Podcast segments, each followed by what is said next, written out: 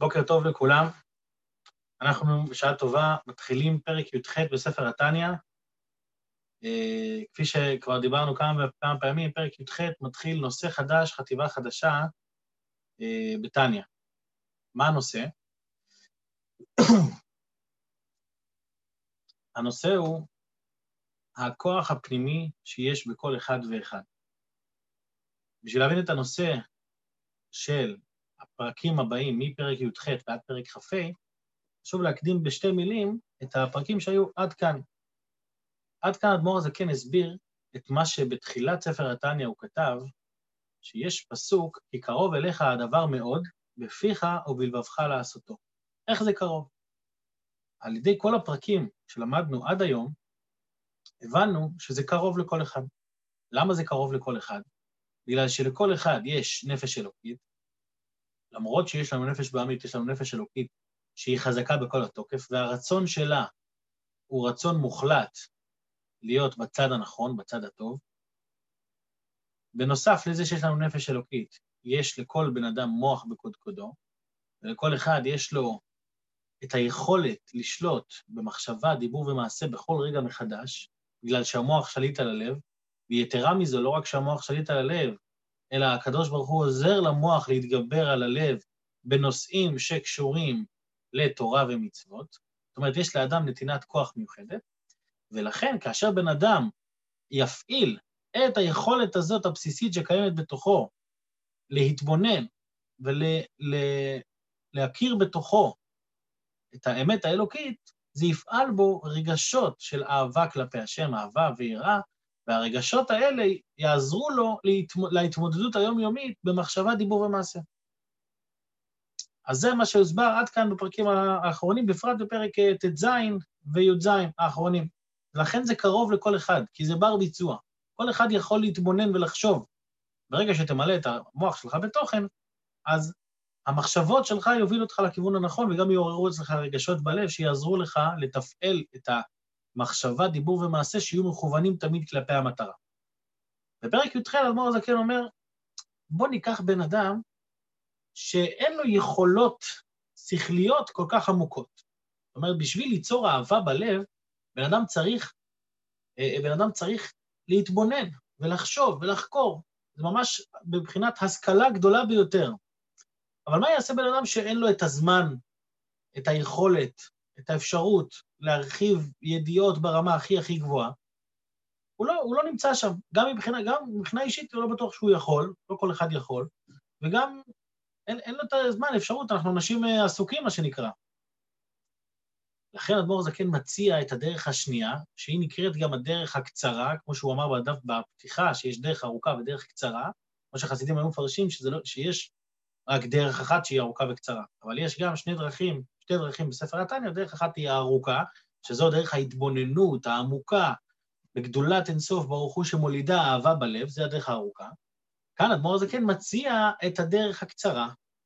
ומהי הדרך הקצרה? הדרך הקצרה היא לא לגלות בעצמי דברים חדשים על ידי התבוננות מעמיקה, אלא להתבונן טוב טוב בתוכי פנימה ולראות איך שכל הדברים האלה כבר קיימים בי.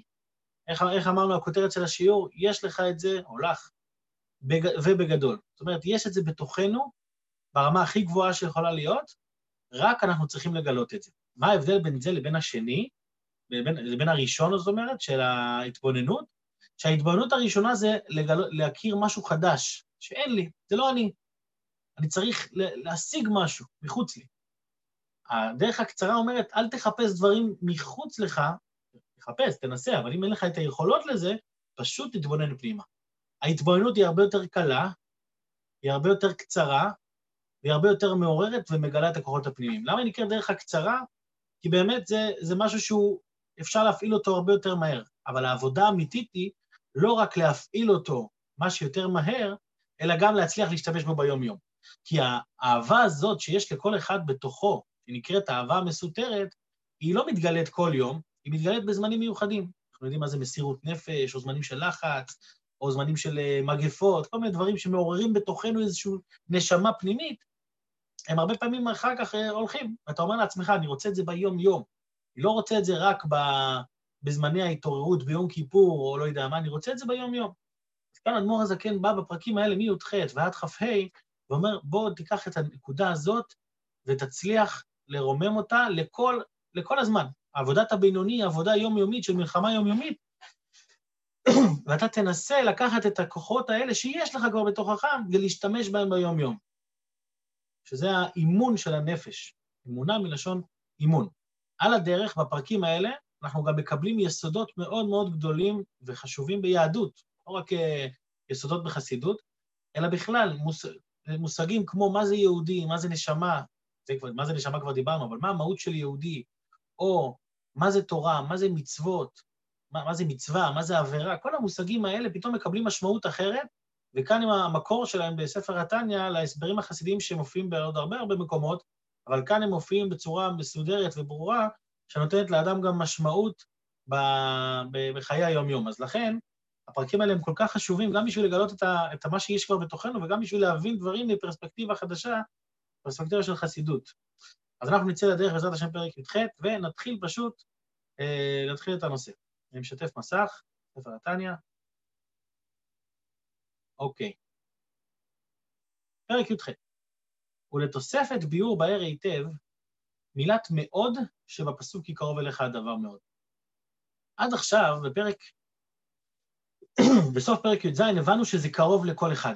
למה זה קרוב? כי צריך להתבונן, להפעיל את השכל. אבל נשאלת השאלה למה זה קרוב מאוד. מאוד זה אומר שזה קל, זה, זה, זה, זה, זה, זה, זה בר ביצוע ברמה הכי פשוטה, מאוד, זה ממש קרוב אליך.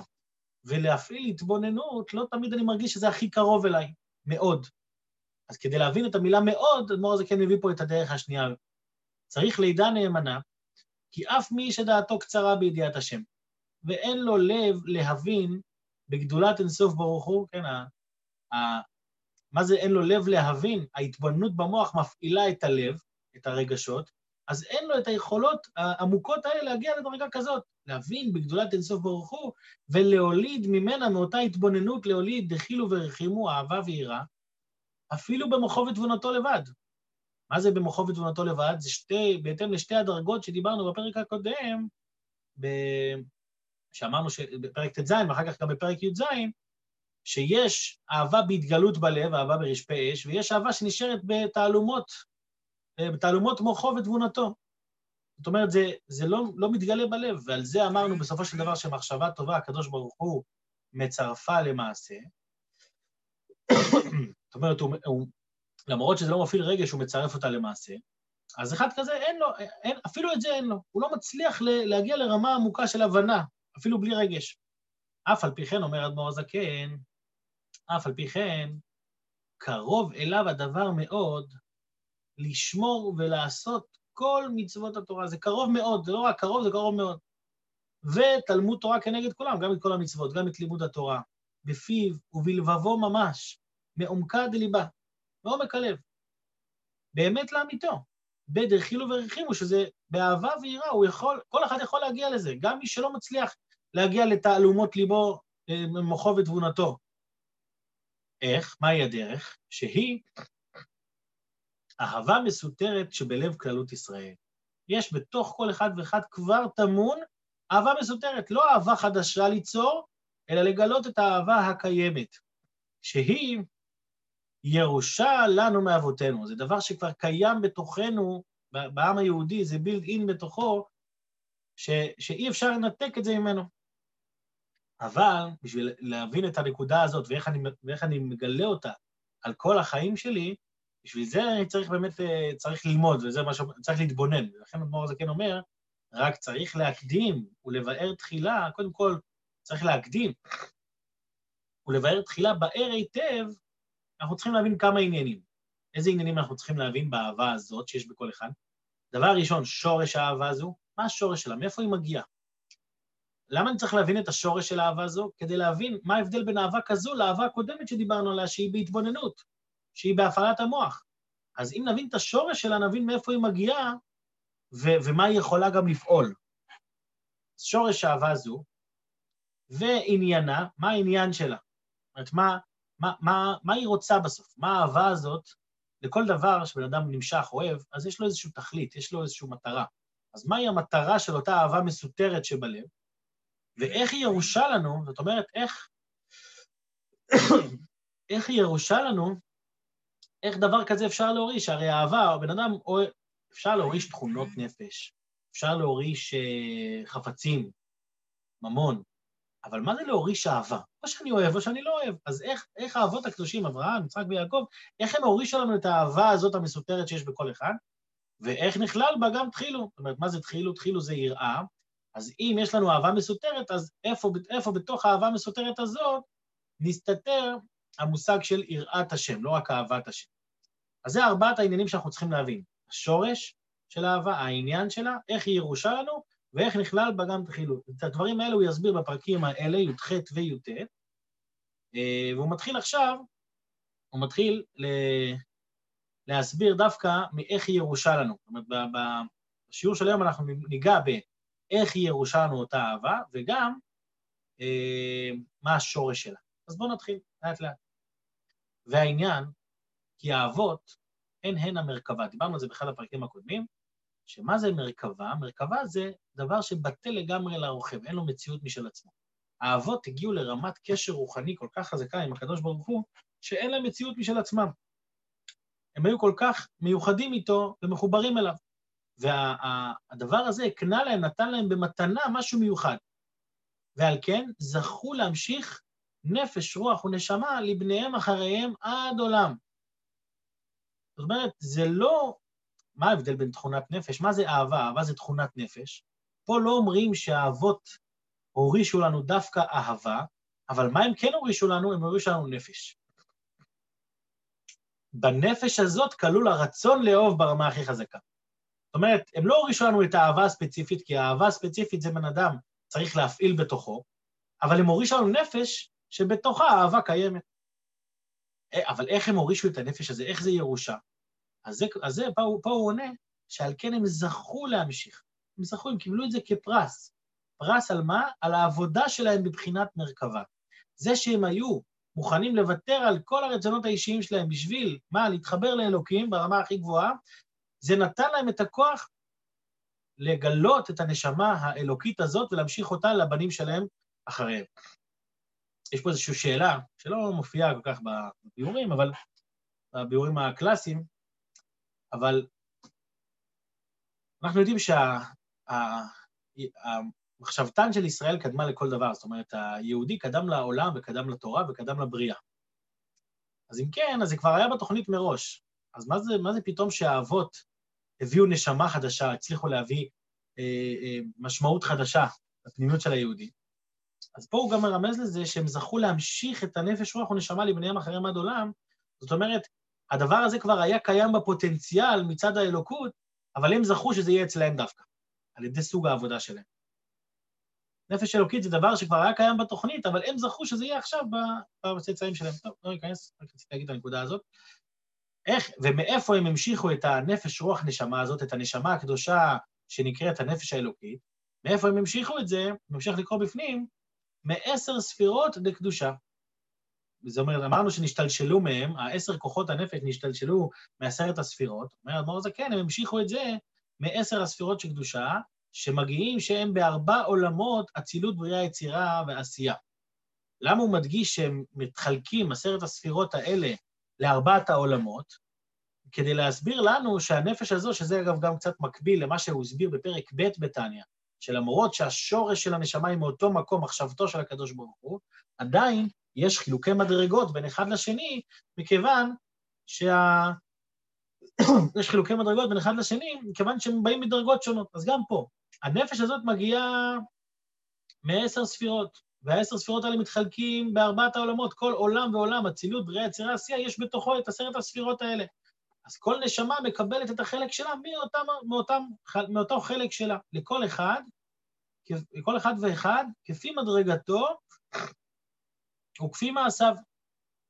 ועל כל פנים, זאת אומרת, גם, גם הכי גבוה גבוה מקבל מעשרת הספירות שבארבעת העולמות, וגם הכי, גם הכי נמוך, גם הוא מקבל מאותם מקומות, רק יש אחד שמקבל את זה מהדרגה הגבוהה שבהם, אומרת, אם יש לנו אצילות, שזה הכי גבוה, ובאצילות יש לנו עשר ספירות, שזה מחוכמה עד מלכות, אז חוכמה של אצילות זה הכי גבוה, נכון?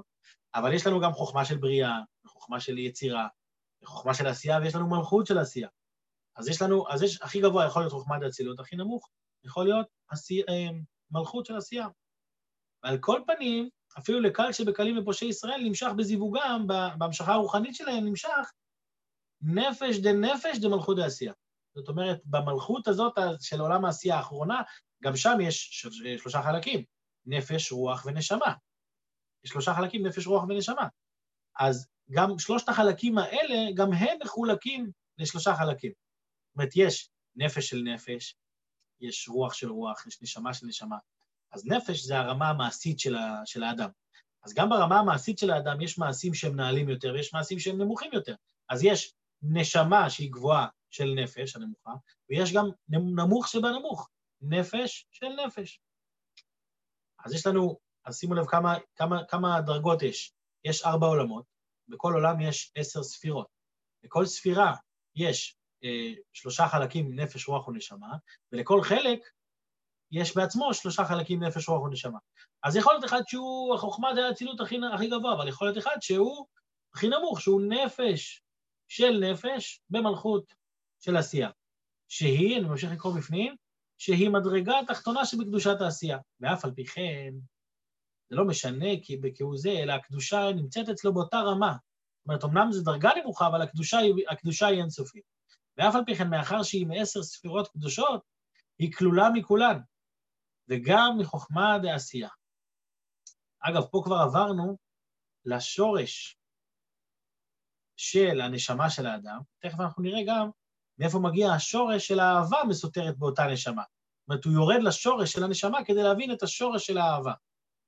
וגם, אז אותם, ואף על פי כן, מאחר שהיא מעשר ספירות קדושות, היא כלולה מכולן, גם מחוכמה לעשייה, שבתוכה מלובשת חוכמה דמלכות.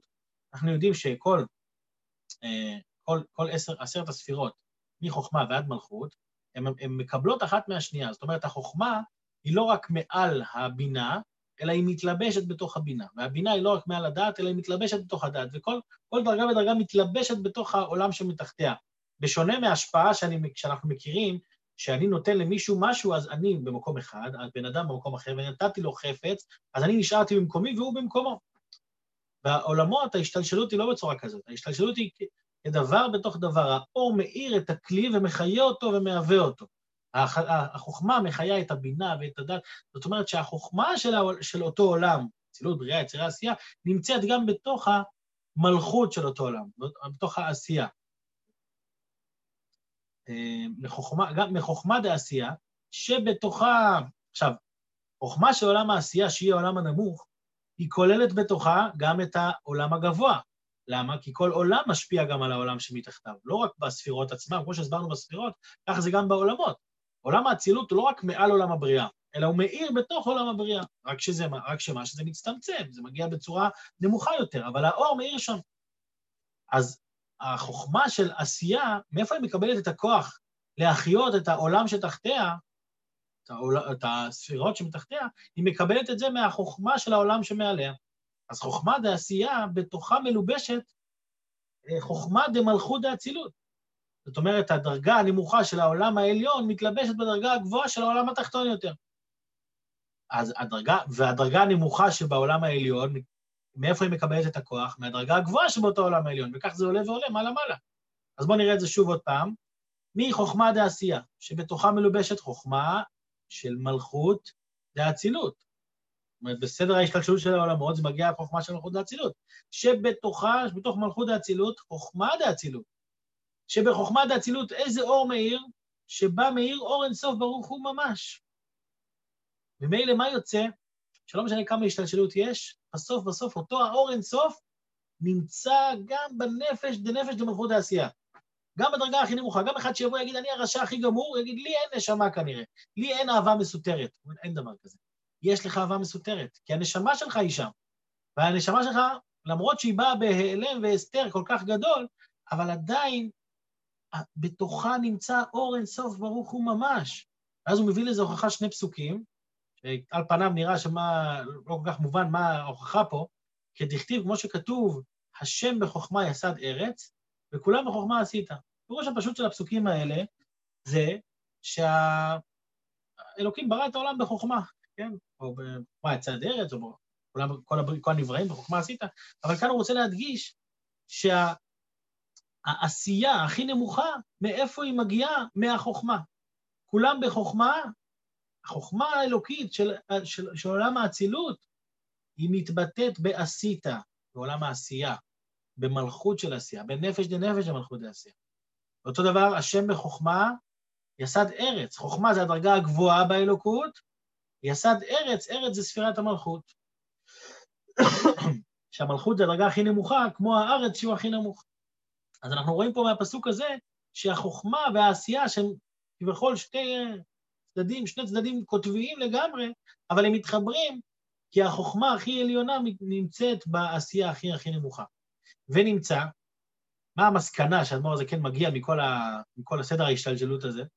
נמצא כי אין סוף ברוך הוא, הקדוש ברוך הוא בעצמו מלובש בבחינת חוכמה שבנפש האדם.